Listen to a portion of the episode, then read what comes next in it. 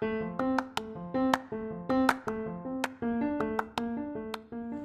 halo, selamat datang di Pokalis Podcast of Al Kausar Islamic School.